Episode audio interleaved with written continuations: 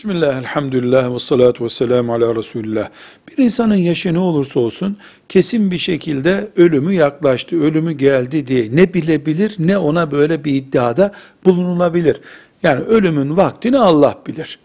Şu kadar sene, bu kadar sene diye bir kural yoktur. Ama buna rağmen şu şekilde, bu şekilde emareleri, işaretleri görülür.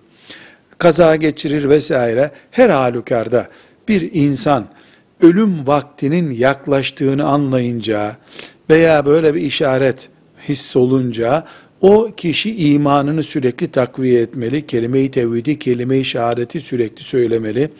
Acilen büyük haramlarından hemen tövbe, istiğfar etmeli ve üçüncü olarak muhakkak kul hakları konusunda bir araştırma yapmalı. Ölmeden helallikleri alıp ahirete öyle gitmeli. Ondan sonra da bir dakika bile boş geçirmeden ibadetle, zikirle geçirmelidir. Velhamdülillahi Rabbil Alemin.